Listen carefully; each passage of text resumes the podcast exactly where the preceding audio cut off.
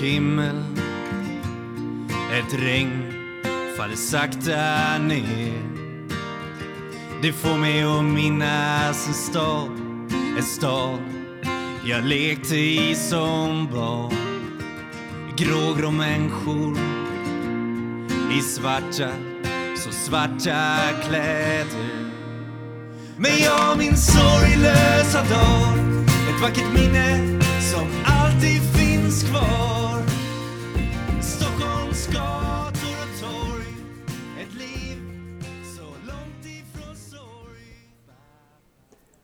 Äntligen måndag och äntligen dags för ett nytt avsnitt av Beroendepodden. Woohoo!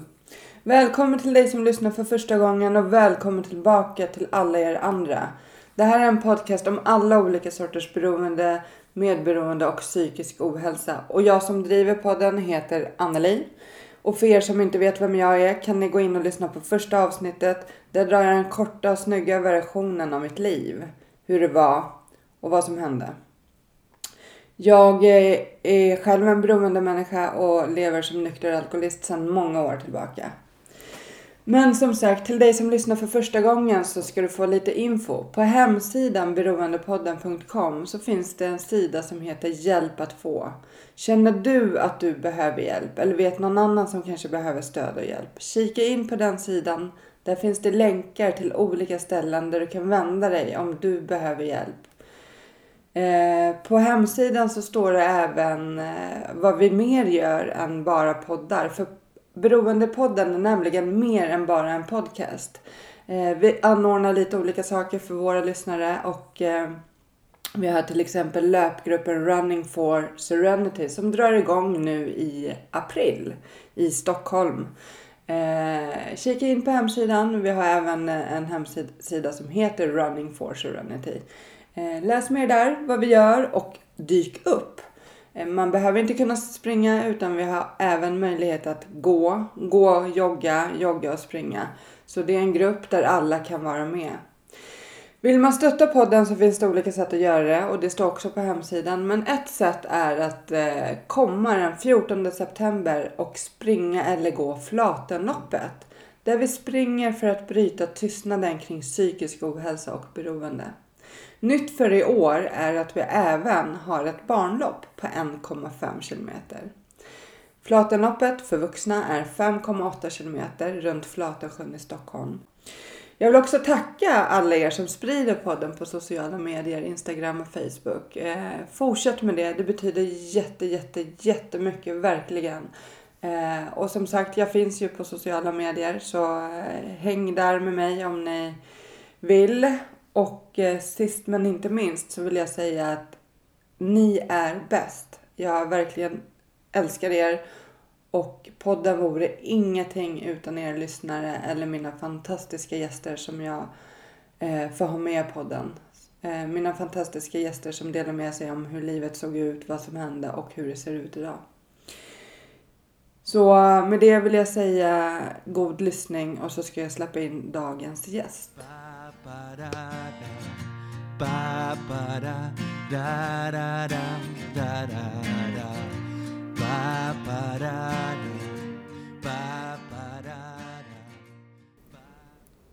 Ja, hej och välkommen till Beroendepodden Hugo Fransson. Tack så jättemycket. Eh, du ska få berätta om ditt liv, hur det var, vad som hände och hur livet ser ut idag. Du lever som nykter alkoholist och narkoman Yes. och har varit drogfri sedan 1 januari 2018. Ja, Och eh, för inte så länge sedan så fyllde du 20 år. exakt. Så du nådde din botten väldigt tidigt. Ja, i 18 års ålder så Ja. slog jag in min botten. Ja. Och jag vet att det är en hel del människor där ute som eh, behöver höra din historia och framförallt då de som är yngre. Mm. Så du eh, får jättegärna börja berätta om din uppväxt, Mm. var du kommer ifrån. Ja, jag kommer ifrån Rimbo då, som ligger en bit utanför Norrtälje. Eh, som barn så, de första åren av mitt liv, mamma och pappa skilde sig när jag var väldigt ung. Jag minns inte ens dem tillsammans. Mm. Eh, jag minns mina tider med min mamma. Eh, väldigt trevligt. Alltså vi var, vi var väldigt tajta, vi hade väldigt roligt och sånt där. Ehm, men det var upp tills jag fyllde tre år. Ehm, då hon träffade en kille och jag kände, fick den här känslan av att jag inte var lika viktig längre tyvärr. Ehm, och de flyttade ihop och jag hakade självklart på då. Och min pappa har alltid varit så här. Äh, när, när jag var liten så trodde han förmodligen att jag inte såg hur han levde. Han har haft väldigt mycket, alltså jag kan inte minnas särskilt mycket av min pappa utan alkohol i bilden. Liksom. Ehm, det har varit väldigt mycket alkohol, väldigt mycket festande och vissa gånger liksom kaos hemma liksom. Mm. Och på andra ställen där vi har varit. Som till exempel nyår och sånt där. Och är det inget roligt alls. Men... Eh, men du levde eh, var eh, både hos pappa och mamma? Ja, i, i, när jag var liten, alltså vi snackar tre år och upp till typ sex så var jag hos pappa varannan helg. Mm. Bara för att mamma hon såg ju det som jag också såg som farsan trodde att ingen såg. Att det var ju livat liksom. Och det var fullt ös hela tiden. Så att eh, jag var hos pappa varannan helg. Och just då, vad jag kan minnas av de här stunderna när det var varannan helg så var det faktiskt ganska lugnt. Eh, det var inte tjo och kim utan då kunde pappa och hans killkompisar som ofta brukade kröka tillsammans ta oss barn och åka iväg och göra någonting roligt. Mm. Det är sånt som jag minns eh, just då. Men jag såg ju fortfarande så här när vi kom hem och, och, vi skulle umgås tillsammans att de vuxna satt sig och söp och barnen fick springa runt och leka. Liksom. Det var så det var. Mm. Och hemma hos mamma så var det lugnt och skönt eller? Till en början. Mm. Eh, min mamma vart ju gravid då med den här eh, andra killen som är pappa till min syster. Mm. eh, och efter att mamma hade fött min syrra så blev hon cancersjuk. Och det var Va? ingenting som jag märkte just då. Vad var det för cancer? Hon hade en jätteovanlig cancer. Hon hade cancer på tungan. Okay. Och mm. läkarna trodde att det hade med rökning att göra. Mm. Eh, men just då så, det var ingenting som jag hade någon aning om. Sådär. Eh, det fick jag reda på när jag var äldre. Eh, och, och, hon överlevde tack och lov. Och de fick operera bort en bit av tungan. Men hon är, hon är frisk, och kry idag så det mm. känns jättebra. Men eh, efter cancern där, det, då började det. Min systers pappa. Jag minns honom som, jag var faktiskt han var snäll och så här men när han var arg då var jag rädd för honom. Mm. Han vart... Och du vet när mamma fick hejda honom när han vart sådär. Och, och sen liksom bröstade han upp sig mot mamma. Då vart ju jag livrädd alltså. Och jag har liksom minnen från min barndom när, när morsan springer och låser in sig på toan liksom. Och, och han står och smäller på dörren och jag får skrika sluta. Um, sen så flyttade vi, jag och min mamma och min syster därifrån. Och det är också en del i min uppväxt att jag har aldrig fått landa. Det här som vi pratade om att, att sätta sig ner, andas ut. har jag aldrig fått göra. Mm. För mamma har alltid varit den här bekräftelsesökaren och alltid så här, det är någonting som inte riktigt passar. Nej men jag tar och flyttar.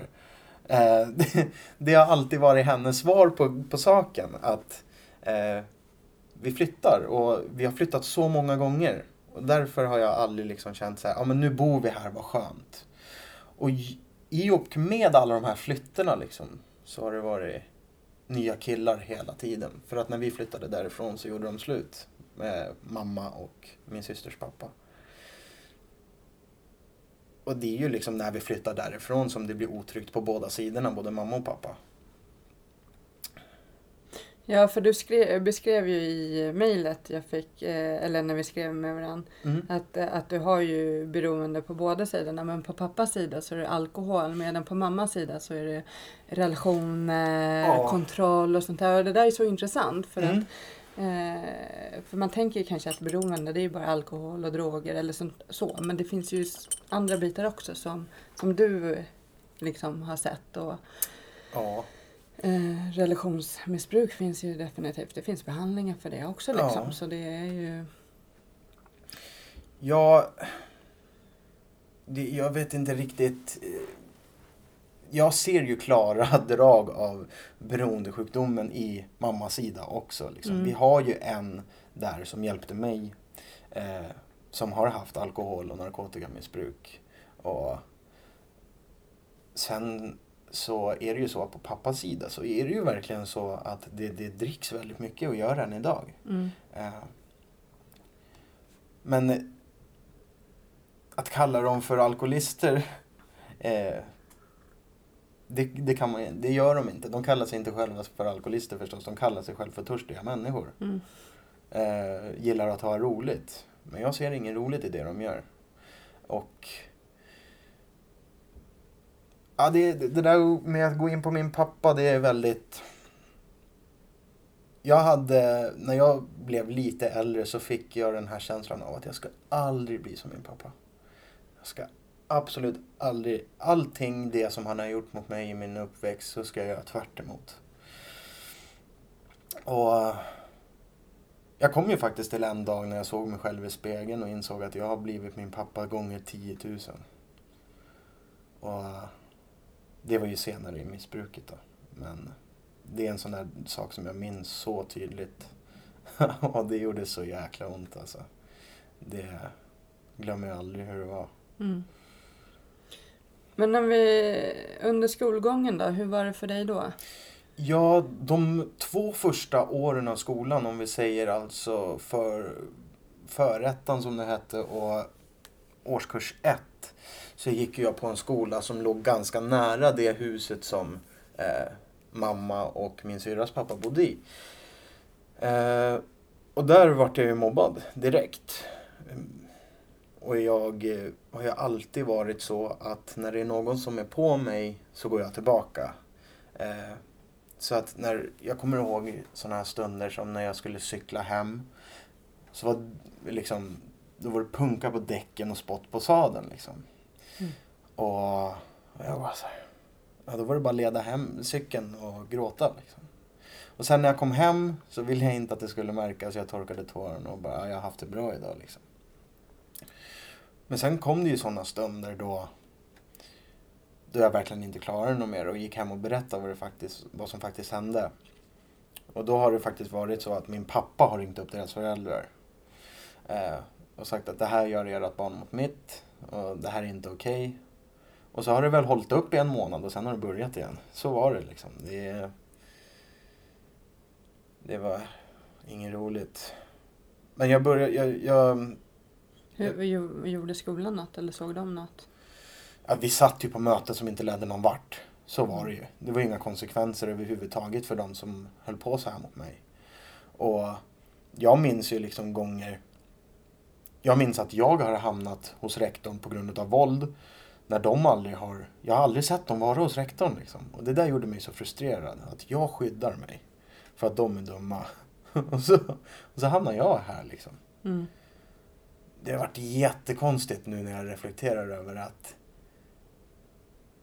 att jag tror att det satt sig mer i mig än, än vad jag tror att det gjorde. Det här med att varför får jag sånt här? Jag, jag, jag, jag gör ju bara det som jag känner är rätt. Och jag har gjort många saker som jag tyckt känt rätt i mitt liv som bara visar sig vara fel sen. Men sen så började jag skola. Och när jag kom upp till den skolan, var en kristen adventistskola. Som jag har mycket att tacka för. Den skolan är... Jag hade en fantastisk tid där. Och... Men i början när jag kom dit då kände jag så här, nej men det ska inte få bli som det var på det förra stället. Så att... Eh, minsta lilla som jag kände, ja den där killen kan vara större än mig. Och så där, då sprang jag på och så bara brottade jag ner dem. Och ville markera att ingen är dum mot mig här. Jag Mm. vill inte ha det.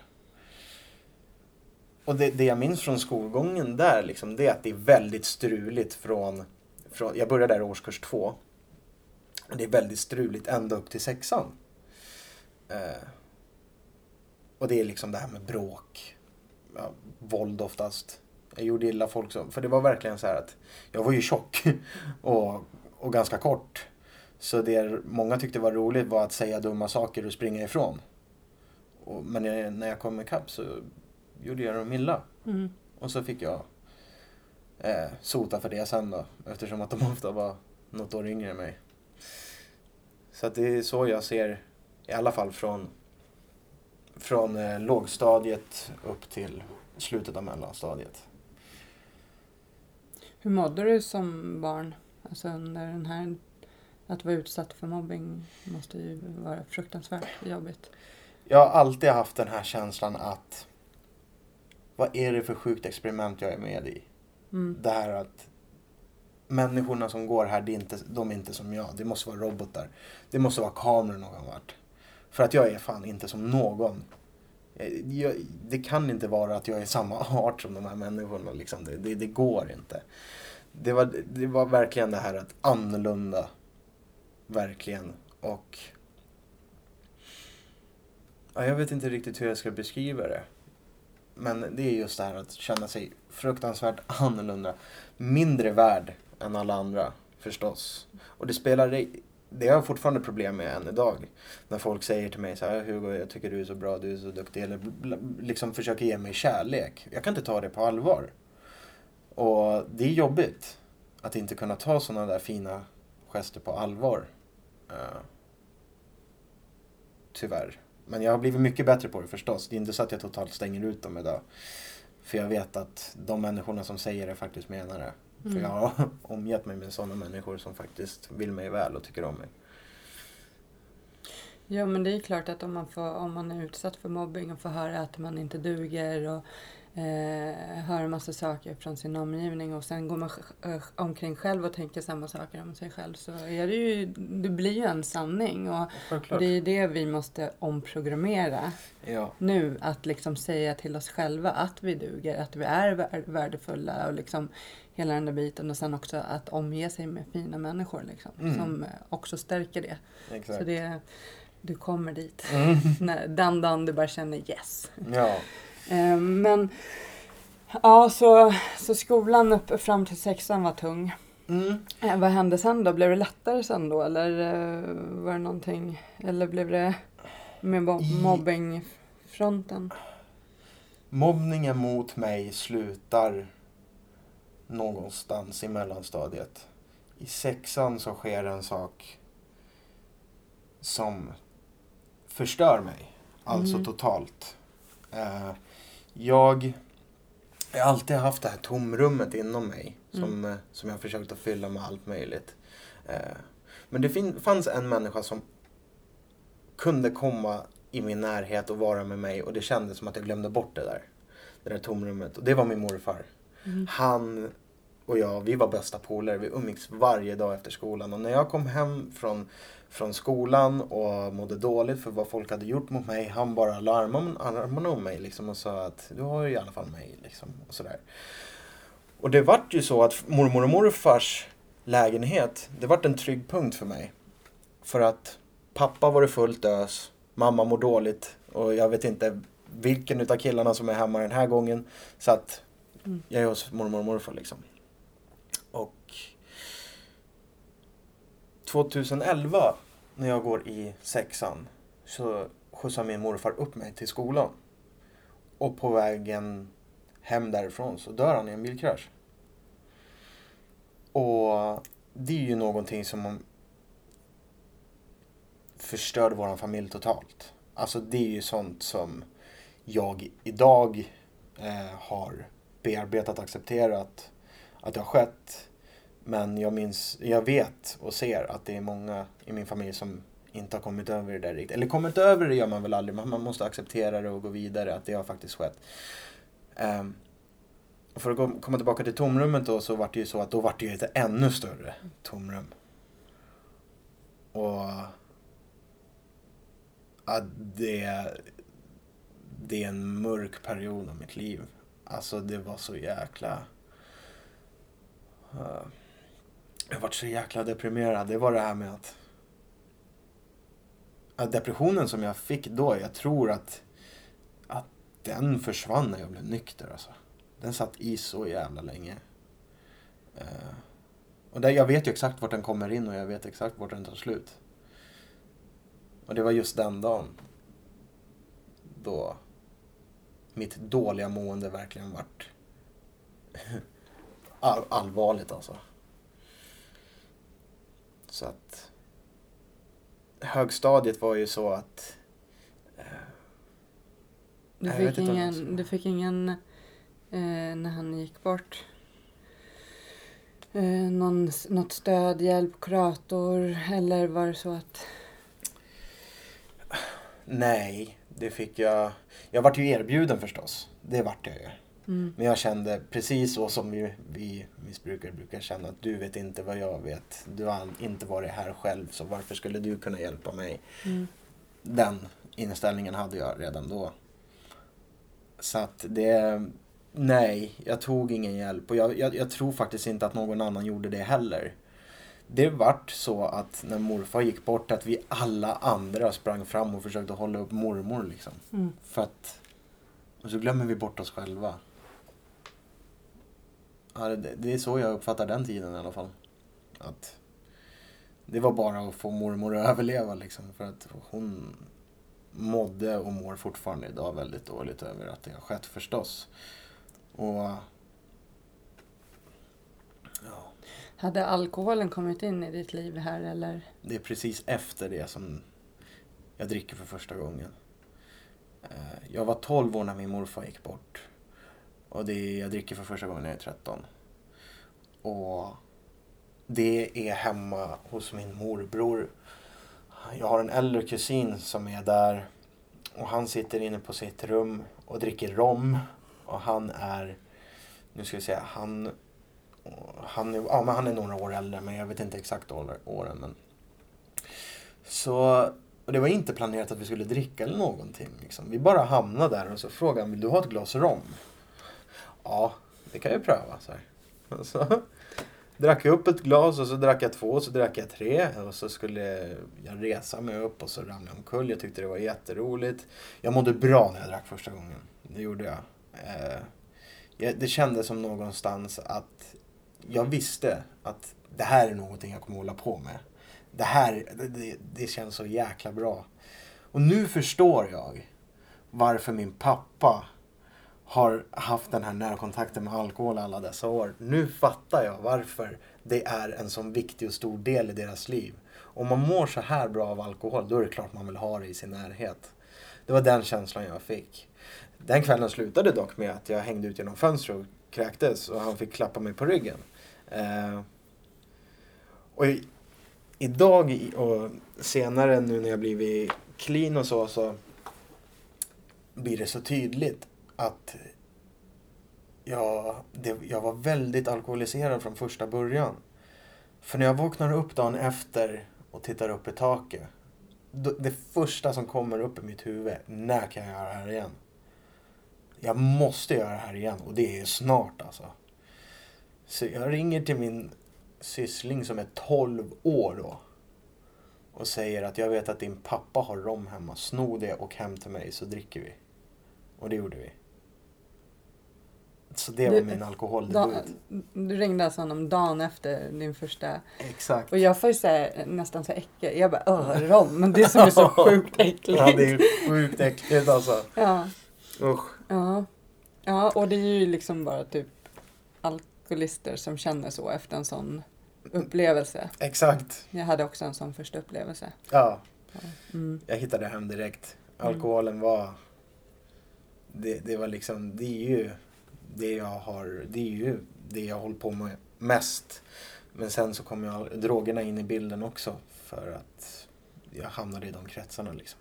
Men hur kändes det liksom när du drack för första gången? Du har ju pratat om det här eh, hålrummet eh, och Ja. så här.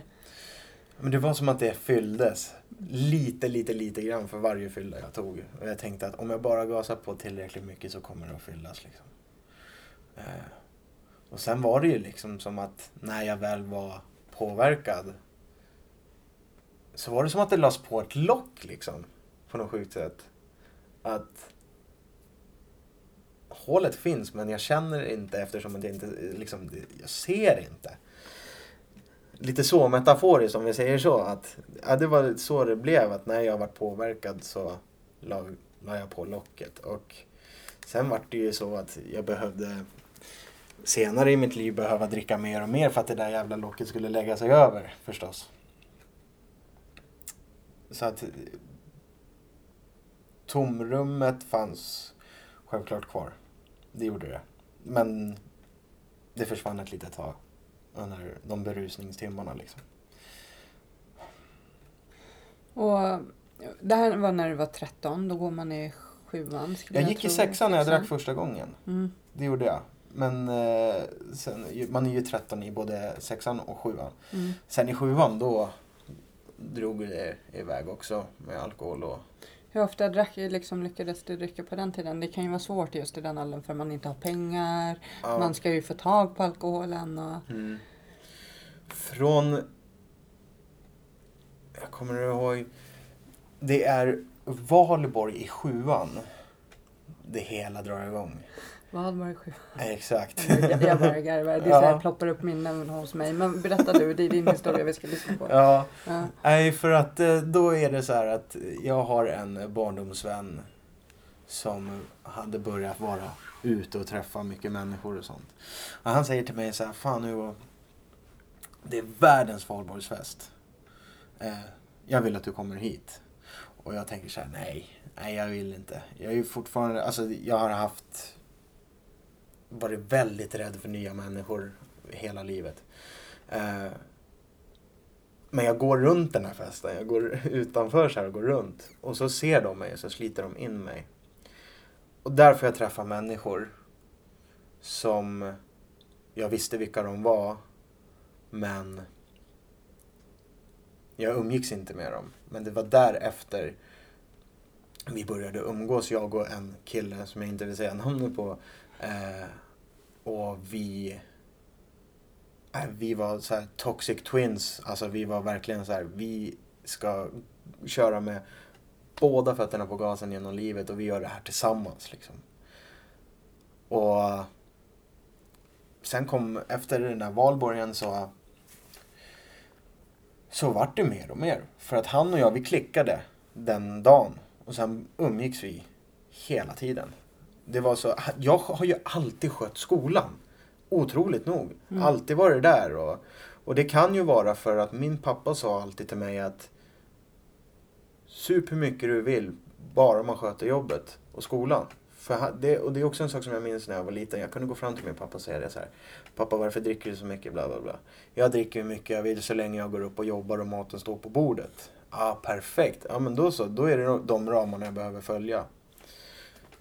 Så att, jag kom in på ett litet sidospår där men jag gick till skolan och sen när jag kom hem så gick jag hem till honom och så drack vi.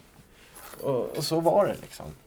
Men på den tiden så var det ju inte så att, att jag inte riktigt... Jag kunde dricka fem och lägga av liksom. Men det, det höll ju inte särskilt länge det där att ställa ner och så är det okej. Men jag tror att anledningen till att det var så att jag kunde dricka och ställa ner och sen var det bra, det var för att det kom upp någonting annat, att vi skulle ut och göra någonting annat eller sådär. Men så vi började hålla på med brott. Alltså sådana här tonårsligister liksom. Sparka sönder lyktstolpar. ehm, och massa annat eh, som jag inte kan gå in på. eh, för hans skull också Mm. förstås. Ehm, men vi båda var jätteintresserade av cannabis. Vi bestämde oss för sommarlovet som kom att innan det här sommarlovet är slut så ska vi göra cannabis. Så han skaffar cannabis och vi röker det och jag känner ingenting den första gången. Vilket tyck, jag tyckte var skittråkigt. Eh, men det, sen sker det att, att vi röker igen och då får jag den här riktiga, det här fantastiska liksom. Det var så här. Jag tyckte att det kändes som att vara, att ha världens bästa fylla typ. Alltså det var verkligen det här. Att jag blir glad, jag mår bra. Och sen så var det så för mig att jag kunde dricka mycket mer när jag var hög på cannabis. Mm. utan att det liksom tog över eller att jag gjorde massa dumma grejer. Det liksom vart, höll sig mellow på något sätt. Jag vet inte riktigt hur det där fungerar. Men det tyckte jag om, att blanda alkohol och cannabis. För det är ju det här äh, att ju mer jag dricker desto törstigare blir jag, som jag har fått höra så många gånger. Det är det som är så fantastiskt när jag går på cannabis och alkohol. Det är att jag kan dricka jävligt, jävligt mycket utan att det händer någonting sådär som jag inte har kontroll över. För jag håller ganska bra kontroll fast kroppen inte fungerar typ. Så känner jag. Mm. Så det blev cannabis som eh, och alkohol som ni använde? Ja, just då var det mycket sånt. Och det, det var ju verkligen den här stegen kan man säga på hur olika droger. Att jag började med alkohol, sen kom, eller jag började med tobak förstås. Mm. jag fan rökte första ciggen när jag var sju typ. Jag var jätteliten. Sen när alkoholen kom in på, på heltid så att säga, då kom tobaken in efter halkandes liksom. att Glöm inte mig typ. Så att det, det var både, jag rökte som fan alltså. Jag rökte hela tiden när jag drack. Och sen så kom cannabisen. Och sen så kom jag till den här punkten att vi började krossa tabletter och snorta. Och sen så allting som kom i min väg. Mm. Men det är liksom de tre, eh, eller fyra drogerna som jag har köpt av mig själv. Liksom, sådär. Och sen resten har bara varit alla droger som jag har haft runt omkring mig. Jag har varit på mycket fester och sånt. Och bara ge mig och så kastat i sig och sen fråga vad det var. Liksom. Mm. Det är sjukt. Men hur mådde du när du inte fick dina droger eller alkohol då? ja, alkoholen var ju på så vis att jag åkte ju tidigare från skolan vissa gånger. Jag minns specifikt i mellanstadiet, eller i, förlåt, i högstadiet att jag kunde sticka en lektion tidigare bara för att komma hem och få dricka. Och, och jag minns specifikt att jag väldigt, väldigt ofta inte åt någonting på fredagar. Och det där ställde till problem för mig. Eh, för att jag, hade, jag, jag drack... Jag är ju liksom... Jag hade ju inga bra förebilder. Jag, jag såg upp till Mötley Crüe och, och Sex Pistols liksom. eh, så att jag drack Jack Daniels. Eh, och rökte Marlboro röda liksom. Och som 14-åring inte äta någonting på hela dagen och sen dra i sig ett helrör Jack Daniels, det, det blir kaos. Eh, men jag minns en gång när det var en helg då jag försökte äta och det inte gick. Där ringde det någon varningsklocka att fan håller jag på med alltså? Om jag inte ens kan äta. För då hade min kropp ställt in sig på att nu kommer det tre hårda dagar liksom. Men, men eh, dina föräldrar, märkte de något? Eller sa de något? De märkte kanske men de kanske inte sa något. Det kan ju ja. vara så också. Jag hade ju många fester hemma. Mm. Alltså, för morsan var ju aldrig hemma. Mm. Eller aldrig ska jag inte säga men väldigt sällan. Hon var ju mm. ofta hos sina andra killar. Mm. Och jag vet inte hur många gånger jag har vaknat av att dörren till mitt rum far upp och hon gapar och skriker. För att det är grejer överallt. Det är ölburkar, det är krossade glas, det är spyor och det är kaos i lägenheten. Eh, och mitt svar var alltid att jag svek dig för att du svek mig. Så sa jag alltid.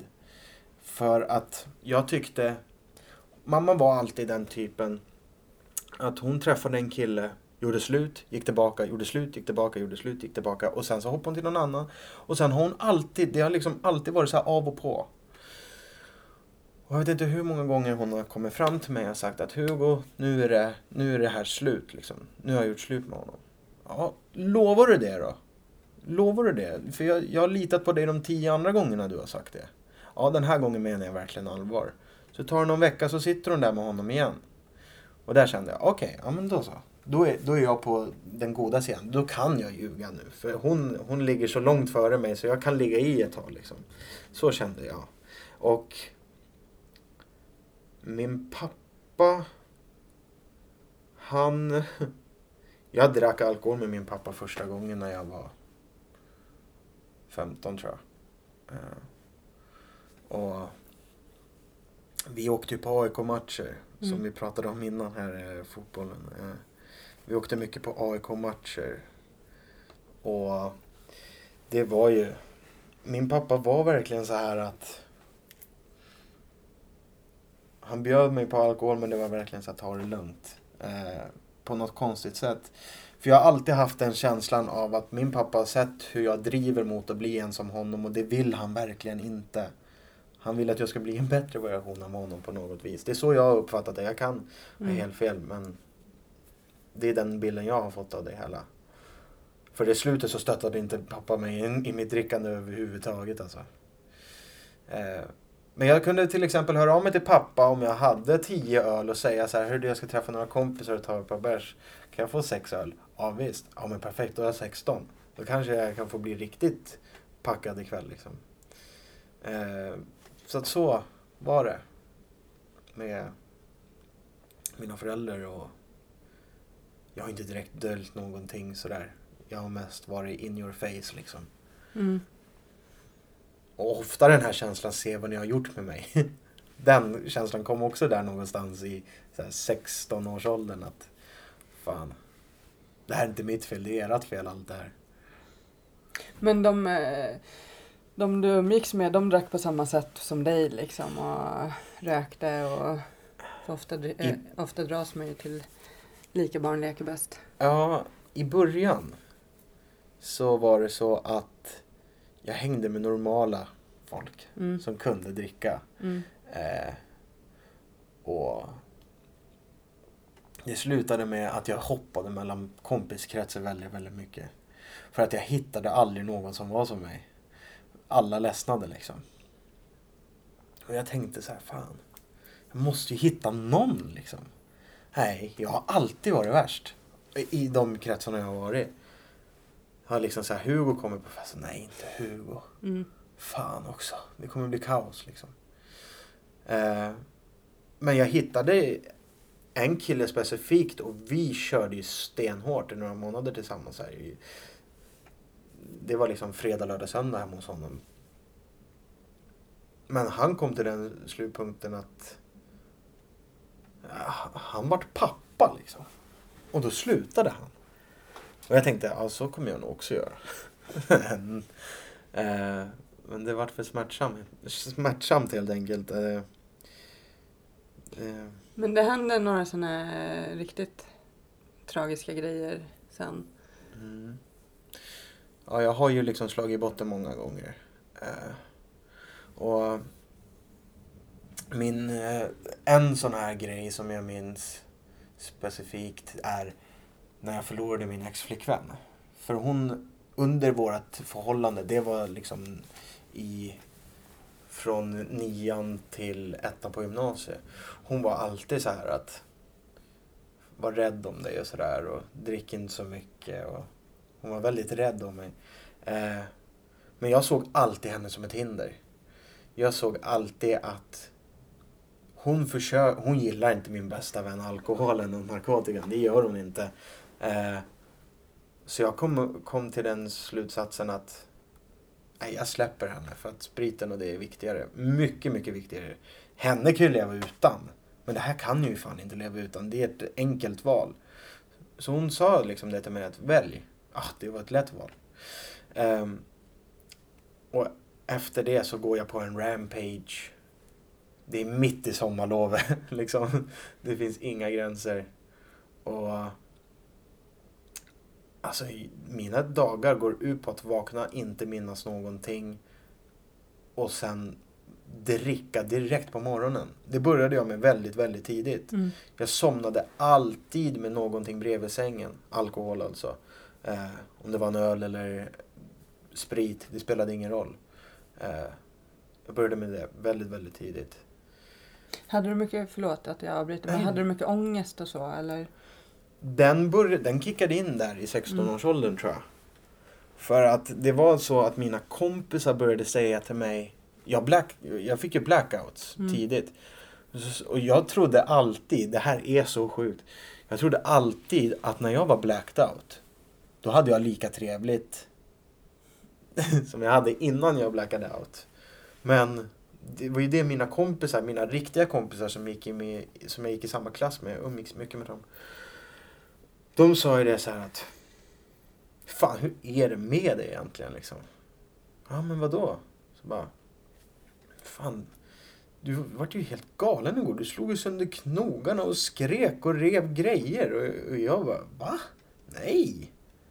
Men sen så, sen så tänkte jag inte så mycket på det. Men när folk faktiskt dagen efter ringde upp och sa, du är fan äcklig alltså. Då började det så här, det kanske är sant ändå alltså. Eh. och alla de här uh, du är idiot-smsen jag brukade få på morgonen liksom. Och att jag inte varit inbjuden på ställen. Det var också så här ont i hjärtat. Mm. Fan också, jag har sumpat dem liksom. Så det märkte, alltså det, ångesten kom ju där. Men den smög sig på liksom att... För jag kunde göra saker, alltså riktiga galna grejer och bara skratta åt det dagen efter. Men det tog slut. Det var, det, det var inte att skratta åt längre. Jag mådde fan dåligt för saker jag gjorde. Och det kom som sagt där i ja, 16-årsåldern tror jag. Så du behövde ha alkohol eller något på morgonen redan? Mm. Ja, ja. För fan. Alltså det var...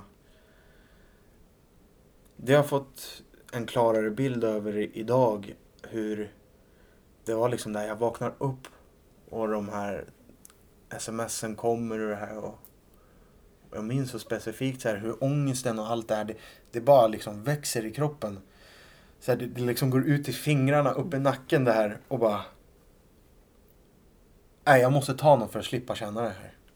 Det var ju just det. Mm. Att ja, vi tar det sen. Nej, men jag vet inte när, men vi tar det sen bara. Ge mig något nu. Och det var så det var. Du tänkte inte säga att jag kanske borde sluta dricka så gör jag inte de här dumheterna? Nej, Nej. det fanns inte. Det var inte svaret. För jag har alltid, eller väldigt länge trott att det är någonting som är trasigt inom mig. Mm. Det är inte alkoholen och drogerna som är problemet. Det är någonting inom mig. När jag har lagat det som är trasigt här inne, om det var min barndom, eller jag måste komma över morfars död, eller någonting utav det här. När jag har lagat det, då kommer jag kunna vara som alla andra. Men nej, det är ju inte så den här sjukdomen fungerar. Men sen hände det något 2017. Ja, eh, det är så att eh, det är två år sedan prick idag jag hamnade på Sankt Görans psykavdelning där och eh, jag skulle gå ut på krogen för första gången eh, två dagar innan det. Och jag hade haft en blackout. Ja, för då hade du precis fyllt 18. Exakt. Ja. För jag, ja, precis. Mm. Jag hade precis fyllt 18. Eh, och jag har en blackout på ungefär två, tre dagar. Och jag vaknar upp, min telefon är borta, eh, plånboken är borta, allt är borta. Och det, det, det sista jag minns liksom, det är att klockan är fyra på dagen innan. Och nu är klockan liksom halv tio. Och min styrmamma smäller upp dörren och bara, du ska vara i skolan. Nej, det är söndag, säger jag. Nej, det är måndag. Och jag flyger upp. Och så kommer ångesten liksom. Och där är ju... Jag tror att faktiskt... Ja, det är, det är den första gången. Den riktiga gången då jag faktiskt känner att jag har tappat det här. Det här går fan inte. Det, det, det, det, här, det funkar inte på det här sättet. Jag kan inte leva så här. Jag kommer dö snart. Och så kommer ångesten och så känner jag så här, nej men jag får, jag får bestämma mig. Ta, här, sträck ut en hand eller ta livet av mig. Okej, ja, jag går upp till styrmamma. Kan du köra in mig till psyk? Annars tar jag livet av mig idag. Ja, men det är väl inte så farligt. Du har bara varit jättefull hela helgen. Ja, det spelar ingen roll. Jag, jag vill dö. Känner jag just nu. Så kör in mig. Istället, Men hade liksom. du självmordstankar? Alltså så? Ja, och det, det har ju... Det har jag ju haft fram och tillbaka ända sedan morfar dog. Mm. Så är det. Att liksom i min berusning många gånger så har jag liksom känt så här att fan, jag vill bara ikapp morfar. Det, är liksom, det var en sån jäkla viktig del som det är ju det här tomrummet liksom. Det är jättesvårt att beskriva nu när jag tänker efter. Jag tror att många som lyssnar känner igen sig. Ja. Det var den här saknaden liksom. Men det, det var ju det, det var så jobbigt att sakna. Så jag flydde i spriten. Det är ganska enkelt. Eh, men just det, för att komma tillbaka till två år sedan då. Eh, jag låg inne på Sankt Görans psykavdelning där och och jag känner att fan, jag kanske måste släppa alkoholen och drogerna på riktigt den här gången. Eh, för jag har slagit botten förr, men det här var verkligen första gången som det tog hårt alltså. Och när jag tänkte den tanken att jag kanske måste sluta, då började jag grina. Nej, jag, jag, och så bara så här, fan har jag sagt allt det här? Har jag sagt att jag ska ta livet av mig? Har jag sagt att jag inte vill göra det här? Fan också, då kanske, nej det får ju inte folk veta. Eh, och sen så när jag kom ut ifrån Sankt Görans liksom, då var jag ju nykter i fem dagar tror jag. Sen kom ju helgen. Det var som bortblåst. Det var som bortblåst. Alltså det fanns inte i närheten alltså. Och det är ju så den här sjukdomen fungerar specifikt på mig. Att när jag tänkte på alkohol och narkotika då kommer alla de här fina minnena upp som jag har med de här eh, substanserna. Men den totalt stryker över allting som jag har gjort. Allting som den faktiskt får mig att göra. Knuffa, knuffa omkull min mamma för att hon tog en spritflaska. Alla de här sakerna. Jag har fan mordhotat vänner. Jag har kastat glasflaskor efter vänner. Jag har rivit folks hem. Mm. Det ser inte jag. Utan jag ser den gången jag satt på en altan i Thailand och drack bärs. Det är det jag ser. Och det kommer förmodligen bli lika bra den här gången också. Om du bara prövar. Det är den känslan jag har i min kropp. Pröva du. Det kommer förmodligen bli sådär som, det, som, som du minns det. Blev aldrig så. Tyvärr. Men det går ett år till, men sen når du ju din botten som Ja. gör så att du blir nykter och Exakt. drogfri. Ja. Eh, en viktig del att komma ihåg det är att det är en Thailandsresa som jag är på från 2016 till 2017 då jag blackar out där också och blir inlåst mot min vilja i på vår, mitt hotell där vi är. Och jag, jag kan inte begripa att jag överlevde den kvällen. Jag hade varit ute på krogar och grejer i Hua Hin i Thailand. Jag kan ingenting om Hua Hin. Jag hade liksom vinglat ut dyngrak och skrikit åt en taxi och så hade jag fått skjuts iväg och sen så hade jag kommit hem och sen vaknar morsan av att det är någon som skriker utanför. Då har jag ramlat i poolen, jag håller på att drunkna. Och jag vägde ungefär då 115 pannor alltså. Och morsan väger fan 50. Så hon fick rädda livet på sin egen son. Där. Och så, sen så låg jag inne i en vecka. I ungefär en vecka och bara grät. Och kände att nu ska jag inte dricka på ett tag. Mm. Det var den. Den kom ofta. Att jag, nu ska jag nog hålla upp ett tag. Men inte sluta helt. Men det kom där som du sa. Eh, 2000. Ja, just det. I slutet av 2017 då. Eh, den sista tiden av mitt missbruk var så här att jag hade förlorat mina vänner. Jag var väldigt, väldigt ensam. Eh, jag satt ofta hemma och drack själv. Och sen så kunde jag se på sociala medier vad mina gamla kompisar gjorde. De var ute, de festade, de hade roligt. Och jag insåg att, jag, jag kände så här att fan. Vilka rygghuggare alltså. Här sitter jag och det är så synd om mig. Och så bjuder de inte med mig. Fan vad taskiga de är. Den känslan hade jag. Offerkoftan hängde på stenhårt alltså. Eh, men eh, det slutar med att jag träffar, jag, jag börjar hänga med en kille i min klass.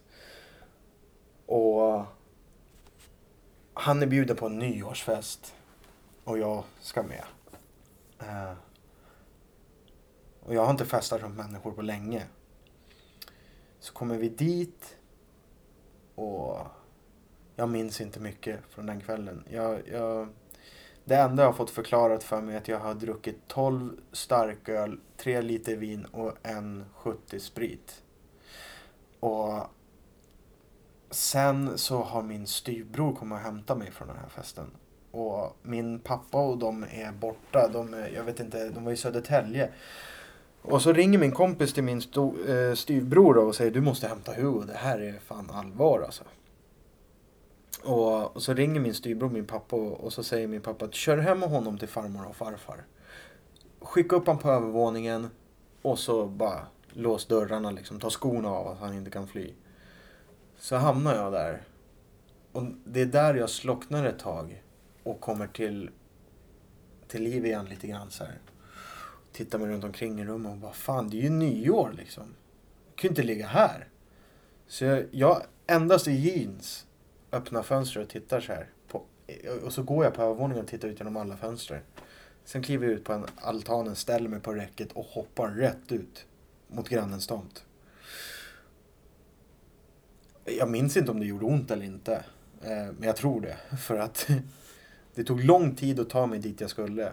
Min kompis bodde en bit bort. Jag haltar mig dit. Eh, och slocknar på hans soffa efter att ha druckit upp allt han hade i sitt kylskåp. Och han var inte hemma. Sen vaknar jag av att han och en kompis till honom står och skriker över mig att de ska döda mig. Eh, och sen så har jag tydligen varit ute och varit hem till några andra och sen har jag kommit tillbaka dit och så slocknade jag där.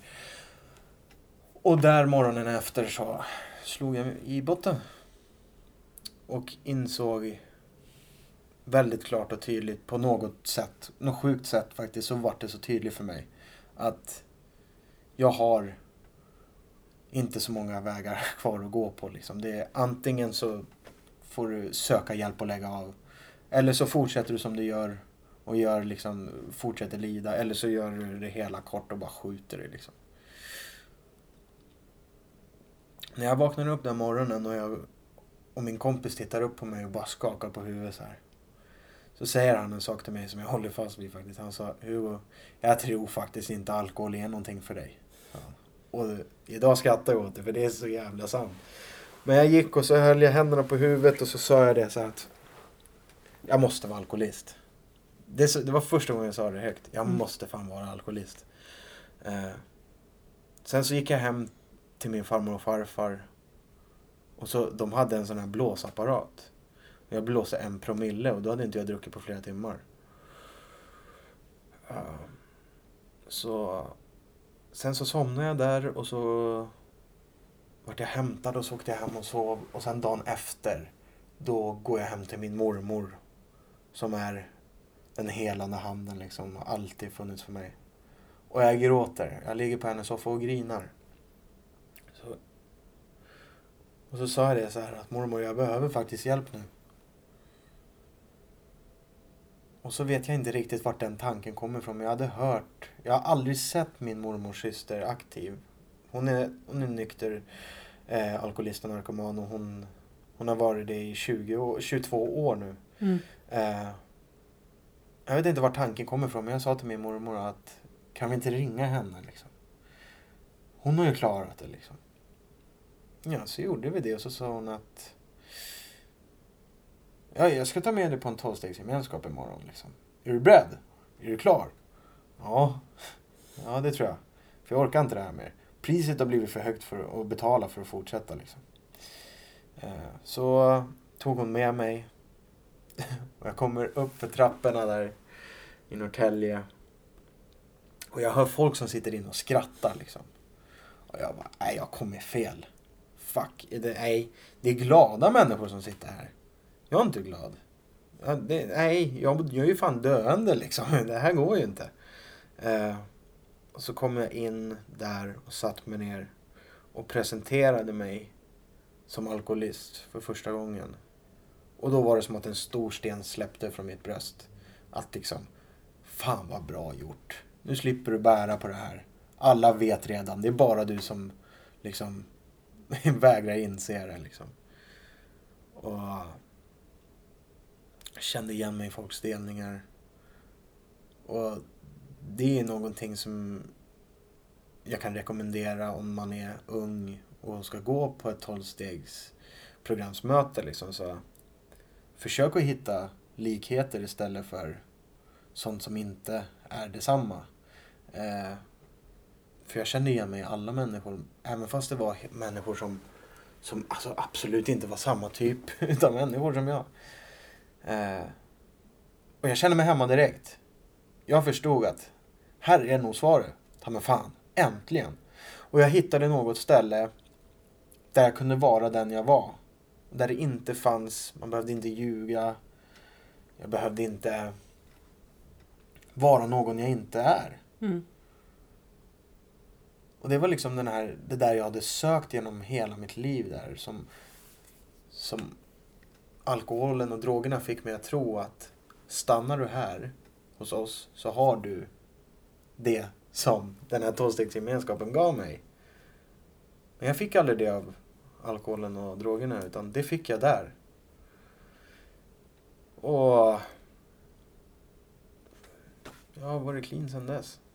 Sen jag kom in i det där rummet liksom.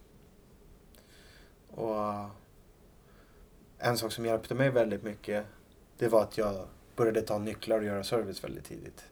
Jag eh, låste upp varje lördag ja, de tre första månaderna så lämnade jag den och sen tog jag en ny. På en annan tvåstegsgemenskap. För jag, det är det att jag har studsat väldigt mycket. Eh, för jag, jag trivs jag trivs på alla de här gemenskaperna. Mm. Liksom. Men jag, jag skriver i stegen med en sponsor i en, eh, förstås. Mm. Eh, och det, går, det har funkat jättebra.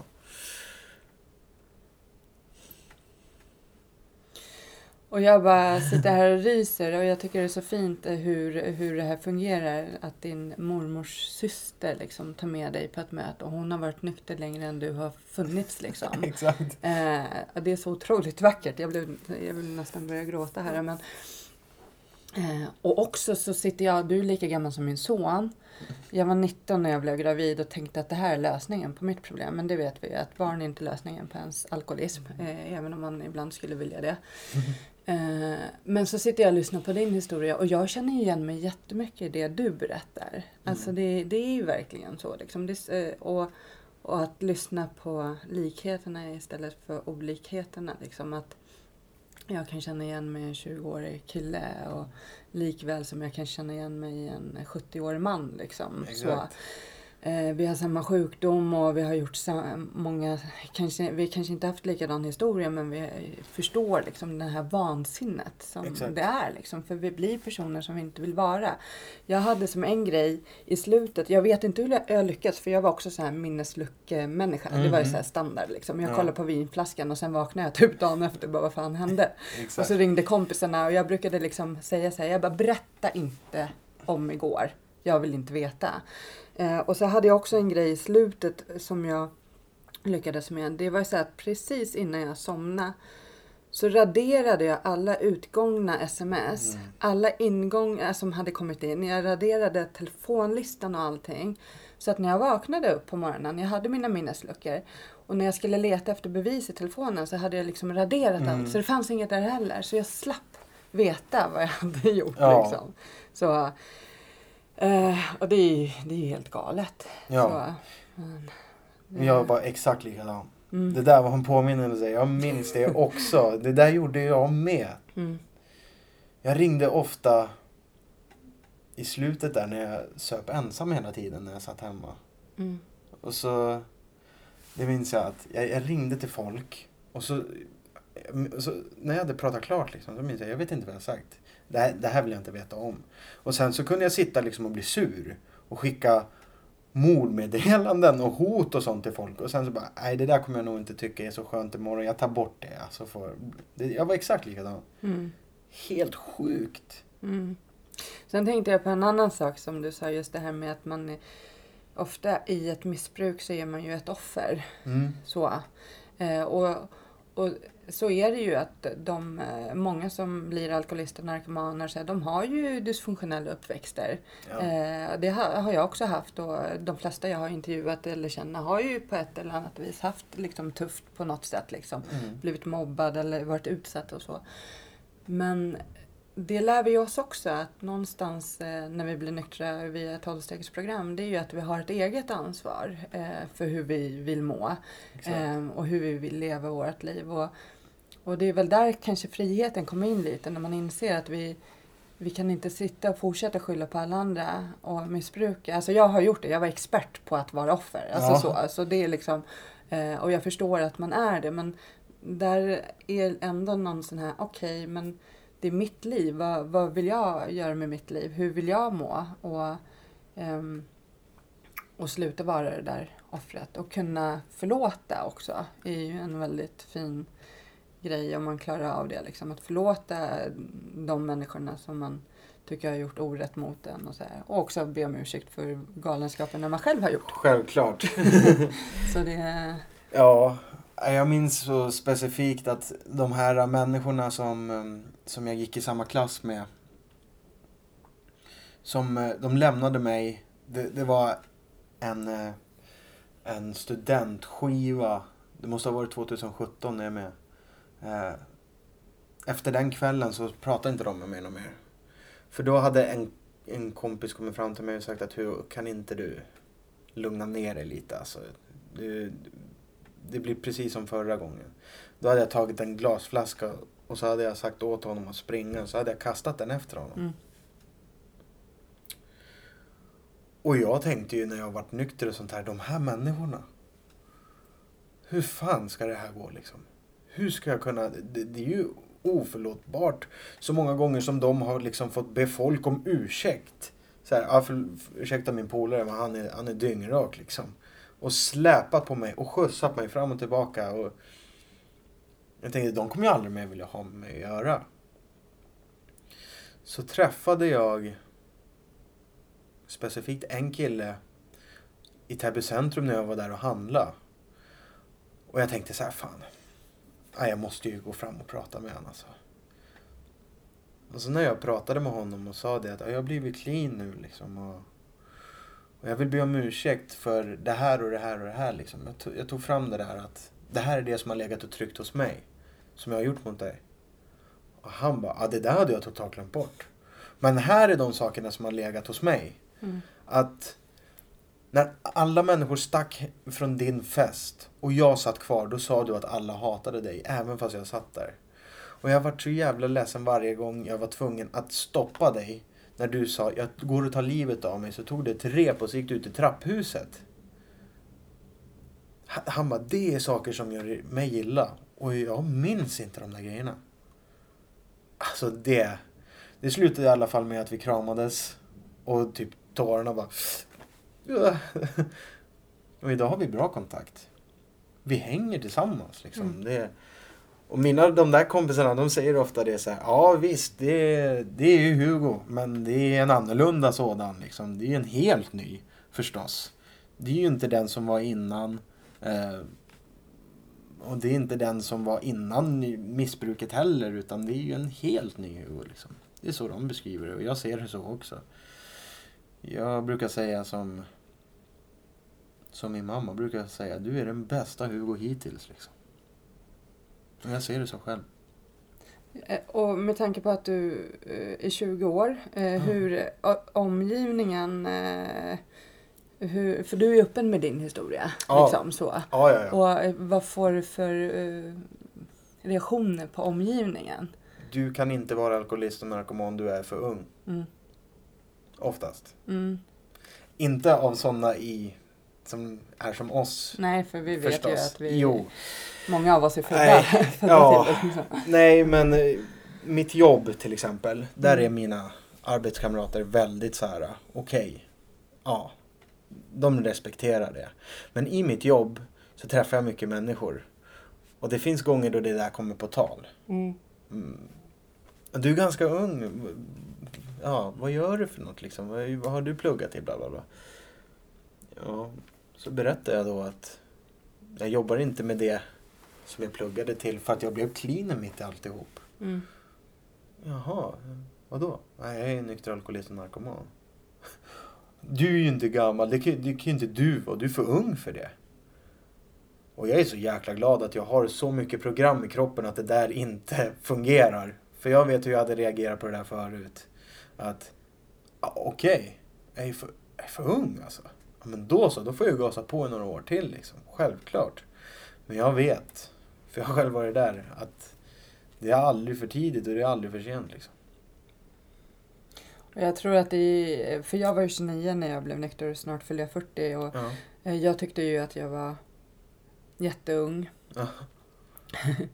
Eh, och det var jag ju i och för sig, men just den här liksom, jag tror att för många så kan det ta ett tag att man liksom, nej men jag kan, nej jag kan ju inte vara alkoholist, jag kan ju inte vara det, Nej. för jag är så ung liksom. Mm. Men jag vet att jag skrev i mina dagböcker i högstadiet att jag var alkoholist. Då Mm. gick jag i högstadiet. Så, och från, jag känner igen mig precis det du säger, liksom första fyllan, minnesluckor, kräktes som en gris. Ja. Eh, men kände en känsla som jag sen ville känna om och om igen. Liksom. Mm. Men sen en dag så slutade ju den där alkoholen fungera och drogerna slutade också också Exakt. fungera. Och det är då man förhoppningsvis blir nykter och drogfri. Ja. Så, för det, då finns det ju liksom, man kan inte leva med alkoholen man kan inte leva utan den. Så. Nej, det är ju så. Och jag, ja, nej, jag är jätteglad att du är här och berättar din historia. Både du och jag vet ju att det finns väldigt många unga alkoholister och narkomaner som är eh, rena idag och har ett supernice liv. Absolut. Och framförallt på insidan, för det är ju det vi vill åt när vi blir nyktra. Att må bra liksom. Ja. Ett fungerande liv liksom. Ja. Det... Är det någonting du skulle vilja säga till lyssnarna innan vi avslutar? Ja, jag skulle vilja understryka det att det är aldrig för tidigt och det är aldrig för sent. Min sponsor brukar ofta säga till mig att det är så jäkla häftigt att du kom till insikt och du slipper det här skilsmässor, bli av med hus, allt det här. För att jag såg tydligt i mitt huvud att det var där jag skulle hamna. Så jag bestämde mig för att satsa på det här istället och det är det bästa val jag någonsin gjort. Jag har aldrig haft det så här bra i hela mitt liv liksom. Och jag hoppas att jag kommer få, om jag gör det jag ska förstås, så kommer jag ha det här för resten av mitt liv hoppas jag. Så att, ehm, och om man undrar eller är orolig för att man skulle ha ehm, lida utav alkoholism eller narkomani och vara en beroende människa så tycker jag att man ska gå på ett öppet tolvstegsmöte. Ja, exakt. Det finns ju öppna möten som man kan gå på eh, även om man då själv, om man bara är nyfiken. Exakt. Så. Så det finns det ju. Ja, det skulle jag rekommendera. Mm. Tack så jättemycket att du kom och ville dela med dig. Tack så jättemycket för att jag fick komma hit. All lycka till i framtiden. Tack.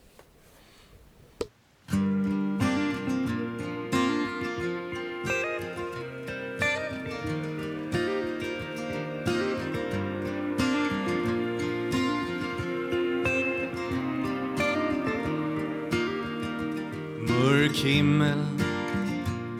Ett regn faller sakta ner. Det får mig att minnas en stad En stad jag lekte i som barn. Grågrå människor i svarta, så svarta kläder. Men jag minns sorglösa dag Ett vackert minne som alltid finns finns kvar Stockholms gator och torg Ett liv så långt ifrån sorg ba, ba, da, da. Ba, ba, da, da. Ba, ba, da, da, da, da, da, da, da. Ba, ba, da, da.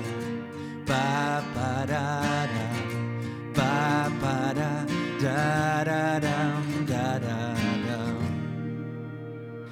En dyster T-baneperrong Ett liv inrutat i betong. Stäng ut det andra med musik. Fokusera allt på att bli rik. Här finns en dyster atmosfär. Ett liv kretsat kring karriär. Men jag min sorglösa dag. Ett vackert minne som alltid finns kvar.